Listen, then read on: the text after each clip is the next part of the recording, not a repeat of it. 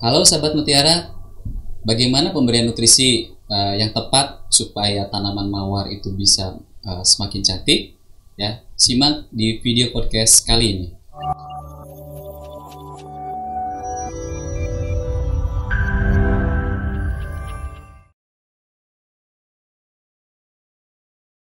Halo, selamat datang di channel YouTube kami, NPK Mutiara TV. Di channel ini, Anda akan mendapatkan informasi dan edukasi seputar pertanian, khususnya nutrisi tanaman. Tonton video-video kami, jangan lupa like video kami, subscribe, dan pentung tanda loncengnya untuk terus mendapat update dari kami. Assalamualaikum warahmatullahi wabarakatuh. Halo sahabat mutiara semua, apa kabar? Berjumpa kembali bersama saya Agus Garisman pada uh, video podcast kali ini. Pada video podcast kali ini kami mengangkat tema mengenai bagaimana cara pemberian nutrisi yang tepat supaya bunga mawar sahabat mutiara semua bisa cantik, maksudnya bisa tumbuh dengan baik dan hasil panen yang optimal. Ya kita simak di video-video berikut ini. Tapi sebelum masuk ke materi, Ya, kami mengingatkan sahabat mutiara, bagi yang ingin bertanya ataupun ingin mengajukan komentar, maka silakan tulis pertanyaan dan komentarnya nanti di kolom komentar. Ya, kita langsung saja menuju materi. Ya, sesudah pada video podcast sebelumnya kami membahas mengenai budidaya dan yang lain-lain. Nah, untuk program uh, pemupukannya kita bahas lebih lanjut pada video podcast kali ini. Nah, peranan hara itu sangat penting untuk tanaman mawar. Jadi secara umum tanaman mawar ataupun tanaman-tanaman yang lainnya itu memerlukan kurang lebih ada 12 jenis unsur hara. Ada enam unsur hara makro yang artinya diserap secara uh, banyak dalam jumlah yang banyak oleh tanaman dan ada enam unsur hara mikro yaitu unsur hara yang diserap dalam jumlah yang sedikit oleh tanaman. Nah, untuk uh, tanaman mawar itu sendiri Pertama, jika perakarannya ingin sehat dan kuat, maka sahabat mutiara semua itu harus mencukupi mawar dengan unsur hara fosfat, kalsium, dan boron. Nah, sedangkan ke atas jika ingin daunnya supaya terjaga tetap hijau dan sehat, maka sahabat mutiara memerlukan unsur hara nitrogen, fosfat, kalium, magnesium, sulfur, mangan, zinc, dan zat besi supaya tanaman mawarnya bisa tetap terjaga daunnya hijau sehat. Nah, sedangkan untuk pertumbuhan yang uh, cepat dan sehat, cepat dalam arti kata ya bisa cepat tinggi, ya terus dia relatif lebih ya, kuat dari serangan penyakit, maka sahabat mutiara itu harus mencukupi tanaman mawar ini dengan unsur hara nitrogen, ya, fosfat, kalsium, boron, dan zinc. Nah, tentu jika sahabat mutiara menginginkan bunga mawar ini puntumnya supaya lebih uh, besar ya lebih cerah warna warna bunganya maka sahabat mutiara perlu mencukupi tanaman mawar ini dengan unsur hara kalium, kalsium, dan boron supaya selain kuntumnya juga besar, warnanya baik, ketika dipotong itu daya simpan atau face life-nya juga bisa bertahan lebih lama. Oke. Kebutuhan unsur hara uh, pada tanaman mawar secara garis besar ada seperti ini. Untuk nitrogen itu kurang lebih memerlukan sekitar 550 sampai 1341 kg per hektar. Nah, sedangkan untuk fosfatnya memerlukan sekitar 147 eh, sampai 380-an kg per hektar fosfat. Dan untuk kaliumnya sekitar 562 sampai 141 kg per hektar. Jadi jadi, jika sahabat mutiara ingin menentukan program pemupukannya, maka ini bisa menjadi acuan uh, sahabat mutiara untuk menentukan program pemupukannya. Oke. Nah, bagaimana jika tanaman mawar itu uh, kekurangan nitrogen atau defisiensi nitrogen? Maka saudara sahabat mutiara semua bisa melihat bahwasanya jika tanaman itu kekurangan nitrogen, tanaman itu akan relatif kerdil atau dia tidak tumbuh karena nitrogen ini sendiri kan berperan dalam pembentukan ya protein yang notabene protein ini bisa terus uh, membuat tanaman terus uh, tumbuh dan berkembang. Jadi jika tanaman itu kekurangan nitrogen, biasanya tanaman itu tentu akan stagnan, ya tidak tumbuh maksimal. Selain itu juga biasanya di daun-daun uh, tua itu akan terjadi klorosis atau kuning daun. Nah, bagaimana jika defisiensi fosfat atau kekurangan fosfat? Biasanya jika kekurangan fosfat, tanaman sama dia akan uh, apa kerdil, tidak tumbuh meninggi, dan biasanya di daun-daun yang lebih tua itu akan muncul warna gejala warna ungu ya atau ya warna ungu. Jadi biasanya kalau kekurangan fosfat di daun-daun yang lebih tua itu di pinggir-pinggir daun ya itu ada uh, warna ungunya yang muncul warna ungu yang harusnya hijau seperti itu ini ada malah ada ungunya dan selain itu juga pertumbuhannya akan terhambat dan kalau ditelusuri lagi jika dicabut mungkin perakarannya ya akan lebih uh, apa kurang baik dibanding tanaman yang normal karena fosfat itu sendiri juga berpengaruh ke zona perakaran. Nah, bagaimana jika defisiensi kalium? Nah, jika kalium biasanya di daun tua itu terjadi uh, tip burn. Ya tip burn atau uh, seperti kebakar ya. Biasanya sih huruf seperti huruf V ya. Jadi kebakar di ujung daun seperti huruf V tip burn.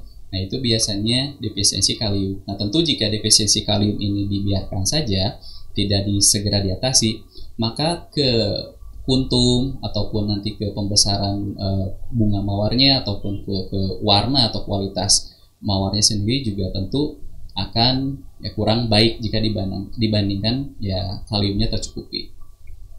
Nah, bagaimana jika kekurangan kalsium? Maka jika kekurangan kalsium, maka biasanya di daun-daun yang lebih muda itu uh, terjadi seperti kering ya atau tip burn. Tapi kalau tip burn itu kan biasanya kalau di daun tua itu kekurangan kalium, tapi jika di daun yang lebih muda atau di pucuk biasanya itu karena kekurangan kalsium.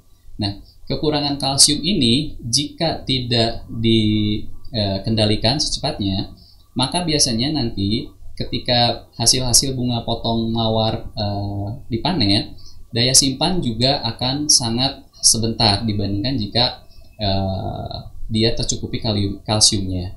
Selain itu juga puntumnya pun tentu akan lebih kecil jika dibandingkan dengan mawar yang e, tercukupi unsur kalsiumnya.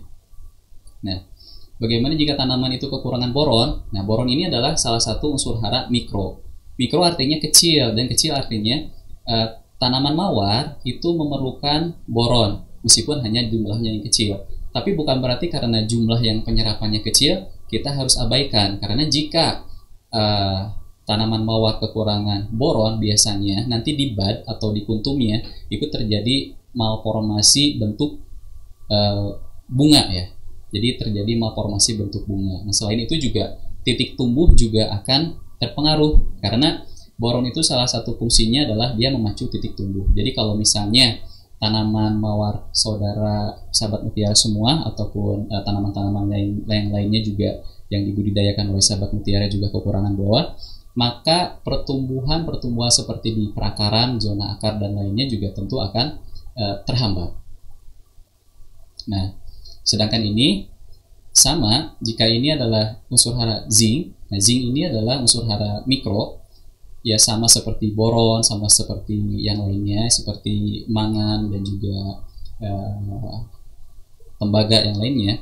Jika tanaman mawar uh, sahabat mutiara semua kekurangan zinc atau Z-nya, nah biasanya muncul pada tanaman-tanaman di pucuk uh, pada pada daun uh, mawar yang ada di pucuk biasanya terjadi klorosis akan tetapi ukuran e, daunnya akan meskipun dikucuk dia ukuran daunnya akan relatif kecil jika dibandingkan dengan e, tanaman yang lainnya dengan ukuran daun pucuk yang normal. Ya meskipun daun pucuk itu maksudnya daunnya memang kecil tapi jika dia kekurangan zinc ya dia akan lebih kecil lagi dari ukuran yang normalnya jadi selain e, klorosis kekurangan e, pigmen itunya, kekurangan pigmen hijaunya, juga dia bentuknya akan lebih kecil di daun pucuknya dibanding tanaman mawar yang tercukupi zincnya. Nah, jika kekurangan uh, zat besi itu uh, kurang lebih sama, hampir sama dengan zinc, hanya saja ukuran bentuk daunnya itu normal, tapi tulang daunnya dia tetap hijau tapi sekitar daunnya dia kuning. Nah, itu biasanya dia defisiensi zat besi atau Fe. Nah, kalau bagaimana jika Mn? Mn dan Fe itu hampir sama, cuma di sekitar tulang daunnya itu biasanya di daerah-daerah uh, pucuk gitu kan di di daun-daun pucuk untuk MN masih ada sedikit warna hijau beda sekali kalau misalnya kekurangan uh, zat besi. Nah zat besi maupun uh, eh, MN ini biasanya karena petani banyak menanam mawar ini dengan media tanamnya pencampuran antara tanah dan bahan organik tentu jika bahan organik yang terlalu pH-nya memiliki pH-nya terlalu basah tentu ini akan berpengaruh karena kita ketahui jika besi dan Fe itu biasanya relatif mudah diserap dalam pH yang relatif masam. Tetapi jika pH-nya naik ke basa atau cenderung lebih relatif uh, di atas 7 misalnya, tentu penyerapan besi dan mangan ini akan terhambat. Oleh karena itu, ya jaga pH media tanah sahabat mutiara dengan baik. Nah, Bagaimana untuk program pemupukan untuk tanaman mawar sendiri? Nah, di Indonesia mungkin berbeda jika dibandingkan dengan negara-negara lainnya. Di mana di Indonesia tanaman mawar ini ya memang bisa ditanam sepanjang tahun, bisa tumbuh sepanjang tahun, tapi antara satu tanaman dan satu dengan tanaman yang sebelahnya itu kemungkinan fase tanamannya berbeda. Meskipun sudah memasuki fase generatif, tetapi fase pertumbuhannya bisa berbeda. Mungkin yang satu kebanyakannya tumbuhnya pucuk, yang sebelah mungkin sudah mulai kuntum, dan yang sebelahnya mungkin bahkan sudah dipanen hari ini. Nah, bagaimana program pemupukannya? Karena tentu program pemupukannya harus disesuaikan dengan kondisi fase tanaman yang ada di kebun sahabat mutiara semua. Nah, oleh karena itu, kami meringkaskan atau kami memberikan tip kepada sahabat mutiara semua untuk program pemupukan yang baik adalah sebagai berikut. Untuk minggu pertama, ya, asumsikan minggu pertama ini adalah sekarang hari ini, maka sahabat mutiara itu perlu menggunakan pupuk ya disesuaikan dengan umur tanaman. Kalau misalnya di bawah satu tahun, sahabat mutiara cukup pakai MPK Mutiara Sprinter dengan dosis per pokok ya, sekali lagi per pokok, maksudnya per satu tanaman sebanyak 1 sampai satu setengah gram per pokok. Jadi jika tanaman sahabat mutiara ada sebanyak satu hektar, tinggal dikalibrasi dikalikan 70.000, berarti sekitar 70 kilo atau sekitar uh, 75 kilo. Nah, ditambah dengan karate plus boroni sebanyak 0,5 gram atau sekitar 35 kilo per hektar. Nah, pada minggu ke-1 ini, jika sahabat mutiara ingin ada penambahan pupuk secara foliar atau secara semprot maksud kami, dan dibarangkan dengan pestisida, maka sahabat mutiara bisa menambahkan merokek kalnit dengan konsentrasi ya 1 sampai 2 gram per liter ditambah dengan merokek fitoplek sebanyak 20 gram 25 gram per 200 liter. Nah, merokek fitoplek ini adalah unsur hara yang uh, pupuk yang mengandung unsur hara mikro mulai dari zat besi, mangan, seng, tembaga, boron dan molibdenum. Jadi semua unsur hara mikro tercakup ada di situ. Nah, minggu ketiga atau dua minggu dari sekarang ya ulangi uh, dosis yang tadi hanya penggunaan pupuknya yang dirubah saja jika tadi di minggu pertama sahabat mutiara memakai MPK Mutiara Sprinter uh, dengan formula 20 10 10 maka pada minggu ketiga ini MPK-nya sahabat mutiara ganti dengan MPK mutiara dengan formula 16 16 16 dengan dosis yang sama hanya pada foliarnya sahabat mutiara bisa menggunakan uh, merokek mages yang mengandung magnesium dan sulfat dengan konsentrasi 1 sampai 2 gram per liter. Dengan penambahan juga merokek fitoplek sebanyak 25 gram per 200 liter. Nah, sesudah itu di minggu kelima, sahabat mutiara hanya merubah MPK yang tadi dipakai di minggu ketiga adalah MPK Mutiara 16 16 16. Maka pada minggu kelima, sahabat mutiara mengganti MPK Mutiara 1616 yaitu dengan MPK Mutiara Grower dengan formula 15, 09, 20 dan plus trace elemen dengan dosis yang sama. Hanya saja di minggu kelima sahabat mutiara jika ingin hasil panennya juga bisa baik, maksudnya masuk kategori A dan B lebih banyak, maka sahabat mutiara bisa menambahkan pupuk majemuk lainnya yaitu subur kali butir ya sebanyak setengah gram per pokok. Dan jika ingin menambahkan pupuk foliar, maka sahabat mutiara bisa menggunakan Merauke NKP sebanyak dengan konsentrasi 1 sampai 2 gram per liter. tentu tetap dengan penambahan Merauke Vitoplex dengan dosis 25 gram per 200 liter. Nah, jika sudah dilakukan di minggu kelima, maka minggu berikutnya atau dua minggu berikutnya yaitu minggu ketujuh, maka sahabat mutiara itu memakai uh, pupuk yang sama, hanya saja pembedanya yaitu di foliar sahabat mutiara bisa menambahkan Merauke SOP yang mengandung uh, kalium dan sulfur ya dengan konsentrasi 1 sampai 2 gram per liter tentu dengan terus penambahan Merauke Vitoplex sebanyak 25 gram per 200 liter. Nah, kenapa setiap aplikasi pupuk foliar selalu kita tambahkan uh, pupuk mikro majemuk kami yaitu Vitoplex? Karena tanaman mawar ini perlu diingat mayoritas petani ataupun grower di Indonesia menanam tanaman mawar ini yaitu e, pencampuran antara tanah dan e, bahan organik. Di mana kalau bahan organik ini nanti dia bersifat terlalu basah ke depannya itu tentu akan menekan zat besi, mangan dan lain-lain. Sehingga untuk itu perlu e, asupan nutrisi terutama unsur hara mikro yang rutin dan sudah tercukupi yaitu di Merauke Pitoplex. Nah, bagaimana jika tanaman sahabat mutiara semua ini uh, sudah di atas satu tahun? Nah, dosisnya hanya disesuaikan saja, tapi penggunaan pupuk yang dipakai itu sama. Contoh halnya, misalnya di hari ini di minggu ke-1, sahabat mutiara itu bisa menaikkan dosis dua kali lipat dari program pemupukan di bawah satu tahun tadi. Contoh misalnya di minggu ke-1, sahabat mutiara jika di bawah nah, satu tahun memakai MPK Mutiara Sprinter uh, eh, 1 sampai satu setengah gram, maka sahabat mutiara bisa menaikkan dosis di usia tanaman mawar di atas satu tahun itu bisa sampai 2 sampai 4 gram. Tentu dengan uh, dosis karate plus boroninya juga bisa dinaikkan sampai 1 gram.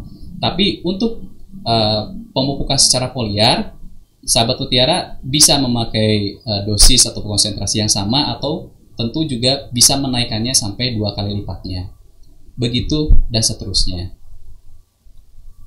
Oke, sahabat mutiara, sahabat mutiara, kami harapkan bisa terus mengikuti kami di media sosial kami ya kami harapkan sahabat mutiara sahabat mutiara bisa uh, follow ataupun sahabat mutiara bisa subscribe di uh, channel YouTube kami yaitu MPK Mutiara TV juga bisa bergabung di grup Telegram kami yaitu komunitas MPK Mutiara. Dan mohon untuk kunjungi website kami yaitu mpkmutiara.com dan jangan lupa juga untuk like dan follow akun Instagram dan Facebook kami yaitu Merauke Tetap Jaya. Nah, sahabat Mutiara, untuk kesimpulan pada video podcast kali ini, mungkin untuk memproduksi mawar secara maksimal yang baik secara kualitas maupun kuantitasnya supaya bisa optimal, maka faktor selain faktor genetik, lingkungan yang cocok, dan perawatan yang maksimal, maka tanaman mawar memerlukan nutrisi yang tepat dan berimbang. Oleh karena itu, kebutuhan hara mulai dari nitrogen, fosfat, kalium, kalsium, magnesium, sulfur, zat besi, mangan, seng, tembaga, boron, dan molybdenum itu harus dipenuhi dan diberikan secara bertahap dan konsisten setiap dua minggu sekali, minimalnya dua minggu sekali. Mengingat tanaman mawar ini hampir bisa dipanen setiap harinya jika di kebun yang sudah dibudidayakan. Utamakan penggunaan bahan organik yang sudah matang, karena jika penggunaan bahan organik sebagai media tanam belum matang, biasanya ya kandungan amonium yang ada di pupuk kandang tersebut terlalu tinggi dan ketika terlalu tinggi biasanya amonium akan berantagonis dengan magnesium, dengan kalsium, dengan kalium. Jika antagonis dengan magnesium, maka akan terjadi klorosis di daun-daun tua, salah satunya. Jika antagonis dengan kalium, maka ukuran e, bunga atau budnya juga akan lebih kecil. Dan jika antagonis dengan kalsium, maka daya simpan mawar di face life-nya atau shape life-nya juga akan sebentar saja. Oleh karena itu, jika sahabat mutiara ingin face life-nya juga uh, awet, maka sahabat mutiara perlu menambahkan pupuk kalsium nitrat sebagai sumber salah satu sumber nitrogen untuk tanaman mawarnya sebanyak setengah sampai satu gram per pokok tanaman. Nah, sahabat mutiara, jika video podcast ini dirasa bermanfaat, silakan sahabat mutiara bisa share sebanyak-banyaknya video ini di media sosial sahabat mutiara semua supaya bisa menjadi motivasi kami untuk terus memproduksi video-video edukasi kami lainnya. Jangan lupa like video ini, subscribe uh, channel MPK Mutiara TV, pentung tanda loncengnya agar sahabat Mutiara supaya terus update video-video edukasi kami lainnya. Stay healthy, tetap jaga jarak, selalu pakai masker. Sampai jumpa di video-video podcast kami lainnya juga. Ya, akhir kata, Assalamualaikum warahmatullahi wabarakatuh. Salam Mutiara.